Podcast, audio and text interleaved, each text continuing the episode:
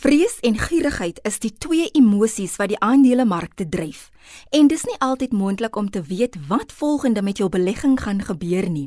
Ek is Olivia Sambo en jy luister na Rand en Sent, RSG 100 tot 104 FM. Baie welkom. Hoe beskerm jy jou beleggings wanneer alles onseker lyk en daar 'n bloedbad op die aandelemarkte is? Eugene Botha, adjunk hoof beleggingsbeampte by Momentum, sê dis baie belangrik dat ons moet verstaan hoe markte werk, want dit sal help om emosies onder beheer te hou. So markte gaan deur siklusse. Ons gaan opgaan en ons gaan afgaan. Want markte word gedryf deur vraag en aanbod. Daar is sekere aspekte wat dit net gaan dryf om jou vraag en aanbod te verander oor tyd en as gevolg van daai vraag en aanbod wat verander, gaan die pryse in die aandelemark verander. Net soos wat markte deur siklusse gaan, gaan ons as mense ook deur daai emosionele siklusse omdat geld 'n emosionele aspek in ons lewens is. So ons gaan ook deur daai emosionele aspekte gaan. Dink is altyd belangrik om soos wat jy deur daai emosionele aspekte te gaan, soos wat markte verander, om jou oog op die doelwit te hou. So as jy verstaan en as jou finansiële adviseur jou bewus gemaak het van die risiko's wat jy gaan en kan ervaar in jou belegging en in die aandelemark, is dit amper half makliker om te aanvaar want jy moet jy weet wat kom as die advies wat gegee is in lyn is met die doelwitte wat jy wil bereik. Ons sê altyd stay invested. So as jy deur daai siklusse gaan, is dit die verkeerste tyd nadat die mark gekrash het om uit jou beleggings uit te verkoop. Dis dalk die tyd wanneer die meeste waarde in die mark is en die grootste opbrengste dan vandaan kom in die toekoms, maar dit is baie moeilik om te voorspel.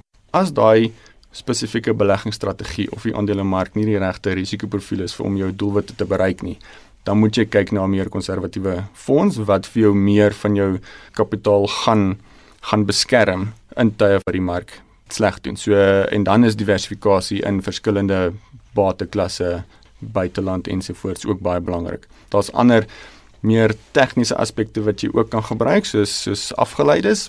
Dit werk maar soos 'n versekeringspremie waar jy by 'n bank 'n versekeringspremie byvoorbeeld gaan koop om jou te beskerm wanneer die mark afgaan. Maar dit word tipies ook oorgelaat aan die batebestuurder om daai besluite te maak om te te kan bepaal of die prys wat jy vir 'n versekering betaal reg is vir die doelwitte wat jy wil bereik. Dis alles goed en wel om te sê jy moet kalm bly wanneer jy sien hoe jou belegging waarde verloor terwyl jy magteloos toe kyk. Hoe weet jy dan dat dit steeds die regte besluit is om jou aandele te hou? So baie keer wat ons uit ook sien uit beleggers uit is hulle maak besluite op wat my buurman verdien het op sy sy opbrengste of wat 'n ander batebestuurder yes. verdien het en ek is in 'n ander batebestuurder en hy het net bietjie slegter gedoen. So baie van daai besluite word op dit gebaseer wat baie gevaarlik is omdat nie een van daai batebestuurders of die die strategie wat daai batebestuurder volg noodwendig in lyn is met die doel wat jy wil bereik nie. Ek dink ons mark as 'n geheel het baie opvoeding nodig om te verstaan wat is 'n risikoprofiel om te verstaan hoe jy jou doelwitte definieer en dan hoe om daai twee bymekaar te bring sodat jy regte beleggingsprofiel het vir die doelwit wat jy wil bereik. Dis 'n fase wat ons moet deurgaan. Dit vat kommunikasie, dit vat opvoeding om mense te laat verstaan wat die regte profiel is om voort te gaan. Want baie keer is dit ook mense is baie konservatief in natuur. Hulle is bang om geld te verloor. Hulle het sekere langer termyn doelwitte waar jy meer aggressief van 'n beleggingsperspektief af moet gaan. Hulle is nie in lyn nie En daai persoon gaan tipies baie ongemaklik wees as hy in 'n meer riskante beleggingsprofiel is oor die korter termyn. Ek dink in daai gevalle moet jy net baie meer van 'n finansiële adviseur perspektief af met die kliënt gesels, kommunikeer om op gemak stel dat wat gebeur op 'n spesifieke punt in tyd in die mark normaal is, dat ons daardeur sal kom en dat dit nog steeds in lyn is met die doelwitte wat jy wil bereik. Hoe identifiseer jy 'n goeie aandeel? So ons kyk tipies na as daai tipe van dinge in die mark gebeur as die man op die straat begin investeer in iets wat 'n sentiment wys of wat 'n momentum wys en reeds weet baie goeie opbrengste gebring het, is dit meeste van die tyd te laat. So dit is baie belangrik om nie met iemand te praat wat nie die nodige kennis het van beleggings nie. As as dit gaan oor 'n geselsie langs die braaivleis met 'n persoon wat glad niks weet van beleggings nie, maar wat wins gekry het uit 'n spesifieke belegging, is dit nie die reg noodwendig die regte pad om te volg nie. So ek sal voorstel ek maar daar's ongelooflik baie finansiële adviseurs daar buite wat jou kan help om daai beleggingsbesluite te maak. Ouens is professioneel opgelei om markte te verstaan, om te verstaan wat die aspekte is wat markte dryf, wat dit beïnvloed en daarvolgens vir jou kan help met daai besluite. Sal dit moeite werd wees vir iemand wat mense onderhou in Suid-Afrika, maar ek self is permanent sê fondsstel in Engeland, ek is permanent hier. As ek nou wil belê, gaan dit vir my te moeite werd wees in so 'n situasie om Suid-Afrikaanse aandele te koop of sommer reguit ons ek belê net in die buiteland want ek woon in die buiteland. So dit gaan weer afhang van wat dit is wat jy met daai geld wil maak. As jy weet dat jy oor 'n tydperk wil immigreer of in die buiteland wil gaan bly, is dit beter om jou geld nou al in die buiteland te sit sodat jy nie blootgestel word aan al die die risiko's wat die wisselkoers byvoorbeeld vir jou kan bied oor die korter termyn nie. So as jy weet jy wil spaar vir 'n spesifieke doelwit oor see of jy gaan oor see bly wat jy in dollars of in ponde gaan moet betaal eendag, is dit beter om dan daai geld in 'n buiteland te sit. Nog iets wat help om jou beleggings in 'n mate te beskerm, is diversifikasie. Dis juis as gevolg van die emosionele besluite wat mense maak. Mense is bevooroordeel oor 'n spesifieke siening wat hy het op iets of iets wat hy gelees het op 'n spesifieke punt in tyd en nie noodwendig die holistiese prentjie verstaan waar dit vandaan kom nie. So daar kan ander dinamika wees wat 'n rol speel in daai besluit van of die siening van 'n spesifieke aandeel. Ander aandele word nou weer byvoorbeeld deur ander fundamentele faktore gedryf, deur ander ekonomiese impakte, makro of mikro-ekonomiese se impakte. Die manier hoe daai aandele dan beweeg of se prysveranderinge oor tyd dan wissel kan veroorsaak dat jy minder risiko in kombinasie het oor tyd en vir jou beter opbrengste lewer van 'n risiko-aangepaste perspektief af. Die een aandeel kan ook vir jou groot opbrengs oor die korter termyn gee. Die gevolg is dat jy dalk weer baie van daai waarde wat jy opgebou het kan verloor. En met die gevolg is dat jy diversifiseer in kommoditeite, in finansiële aandele, in industrieë, in bateklasse, in lande, wisselkoerse soos wat ek voorheen genoem het, is baie belangrik dan om daai geleidelike groei te handhaaf eerder as wat dit 'n volatiele pad is wat jy volg. Beleggings en die aandelemarkte is vir baie van ons 'n raaisel en tog is daar talle kundiges soos Eugene wat hulle brood en botter verdien deur beleggers se geld op die regte manier te belê. Die Chief Investment Officer en die Deputy Chief Investment Officer wat saam met daai persoon werk, is maar eintlik verantwoordelik vir die vir die filosofie van die die batebestuurder. So al die besluite wat gemaak word van 'n investment perspektief af, moet in lyn wees met die filosofie wat jy volg. Die filosofie is maar net jou geloofsisteem in terme van wat jy dink die beste manier is om te belê vir jou spesifieke kliënte. So so die rol van die chief investment officer is dan maar net om seker te maak dat al daai prosesse in plek is en dan te help met die groot investment besluite vir die kliënte ook. Jy laat dit baie eenvoudig klink, want dit gaan net oor sentimentie. Daar is natuurlik ander faktore wat ook Absoluut. wat in ag geneem moet word. Absoluut. Wat is van daai faktore? So as dit kom by kliënte se geld, is dit baie belangrik om te verstaan wat dit is wat die kliënte uit die beleggings uit wil hê. Van ons perspektief af is dit altyd ons beginpunt. Jy moet verstaan wat is die doelwit, wat is die finansiële profiel van daai kliënt en wat is die rede hoekom daai kliënt wil belê. As jy al daai verstaan, kan jy 'n holistiese risikoprofiel um, bymekaar sit vir daai spesifieke kliënt, asook verstaan wat is die opbrengste wat hy wil hê oor 'n sekere beleggingstermyn. As jy al daai saam sit, kan jy begin met verstaan wat is die fundamentele faktore in die mark wat dit dryf, wat is die ekonomiese siklus waarin jy is en watter ander, you know, belangrike besluite of belangrike aspekte wat in die wêreld aangaan wat daai besluite kan affekteer, alles bymekaar gooi om die regte besluite vir daai kliënt te maak. Dit was Eugene Botha van Momentum en jy luister na Rand en Sent RSG 100 tot 104 FM. Stuur 'n WhatsApp teks of stemboodskap na 076 536 6961 of stuur 'n e-pos na randencent.rsg@gmail.com.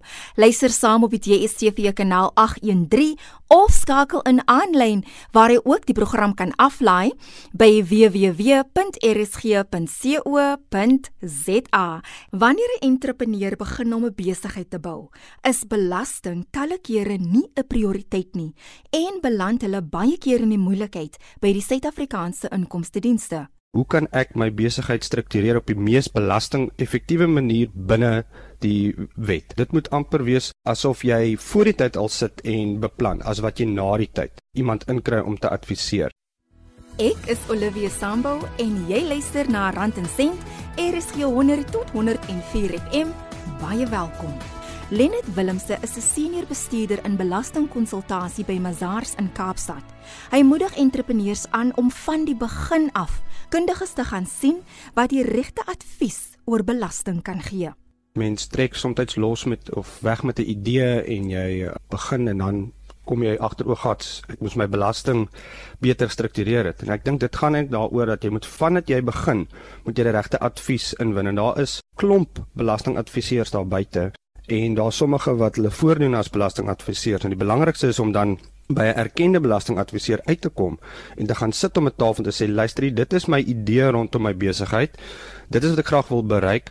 Hoe kan ek my besigheid struktureer op die mees belasting effektiewe manier binne die wet? Dis 'n beginpunt. Dit moet amper wees asof jy voor die tyd al sit en beplan as wat jy na die tyd iemand inkry om te adviseer kry die regte strukture in van die begin af. Maak seker as jy byvoorbeeld kwalifiseer vir omsetbelasting of kleinsakekoöperasies dat jy daardie proses aan die gang sit en weet sonder twyfel maar ek gaan voldoen aan dit en dat ek ook bewus is van wat is my moontlike aftrekkings wat ek kan kry. As ek algemeensondhalwe 'n 'n winkeltjie oopgemaak het en ek het die vermoë om 'n sonpaneel op te sit om my krag op te wek, dat ek die regte slytasie toelaag kry op my sonpaneel.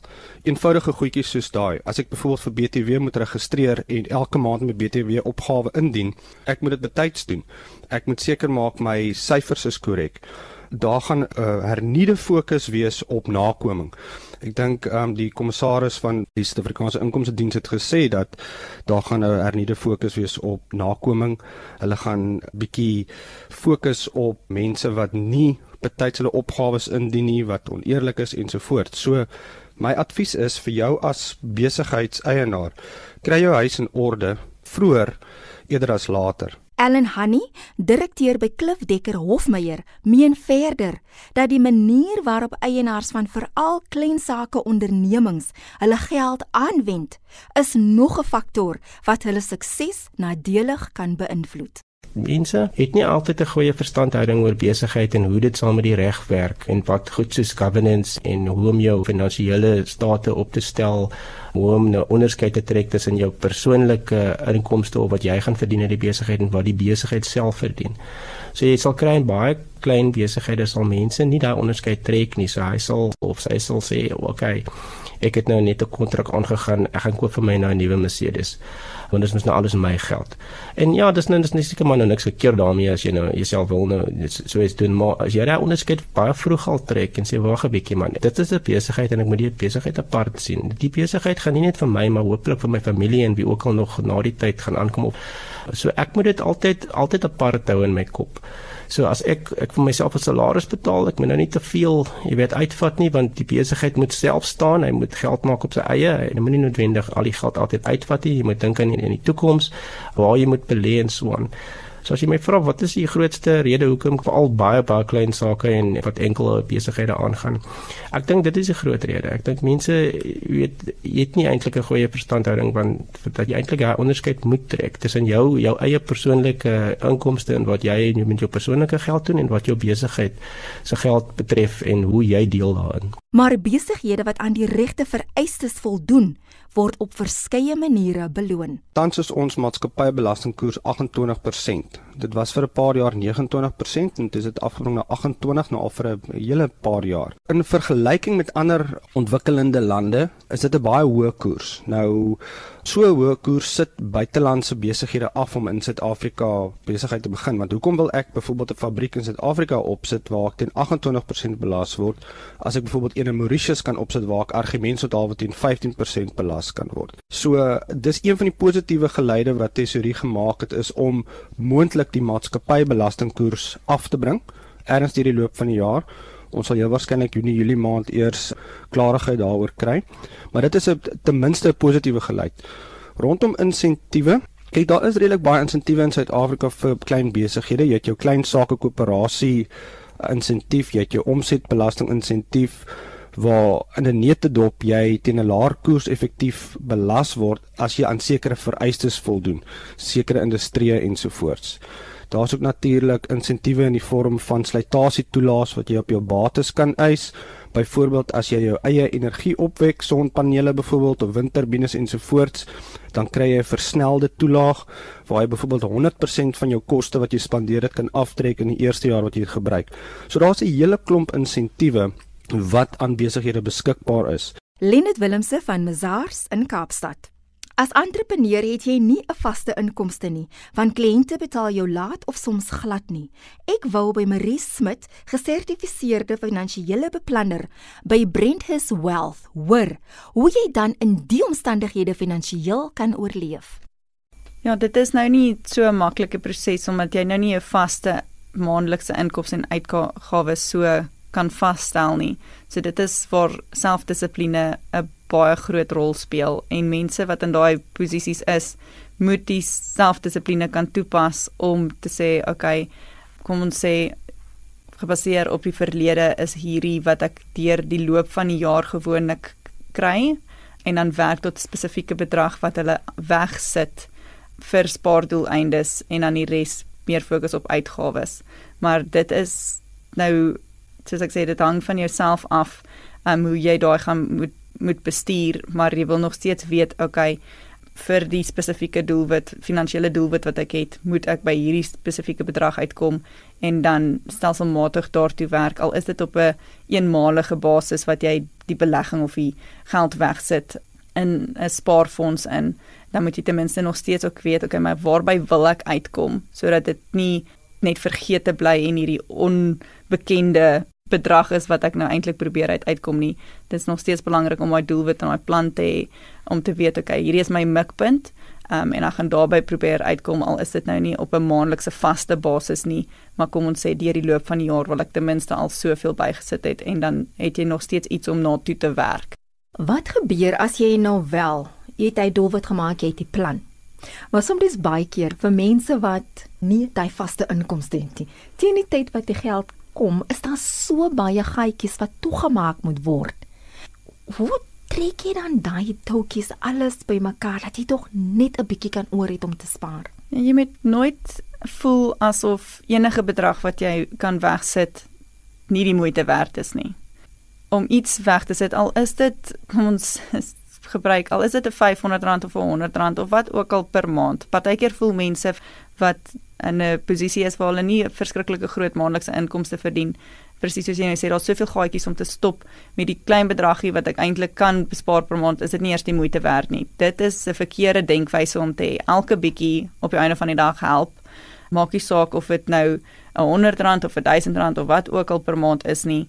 Iets wat jy wegsit vir jouself, dis joune en ons verwys gewoonlik daarna jy betaal vir jouself want jy betaal vir jouself in die toekoms in en jy moet nooit voel asof dit nie die moeite werd is om dit te doen nie want jy moet daai gedeelte van jouself ook eerste sit al is dit 'n klein bedrag per maand net om te weet okay nee ek het hierdie ten minste weggesit vir myself ek het myself erns as 'n prioriteit geplaas of my toekoms as 'n prioriteit geplaas want is iets wat jy onnodiglik op iets anders kon gespandeer het maar maak nie saak die bedrag wat dit is nie sit dit weg. Ek moet nooit voel asof dit 'n uh, mors van jou tyd is nie. So gesels Marie Smit van Brenthurst Wealth.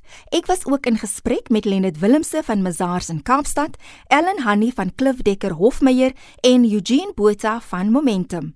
Ek is Olivia Sambo en ek groet tot volgende week. Die program word weer Woensdagoggend om 04:30 uitgesaai. Sterkte vir die week wat voorlê.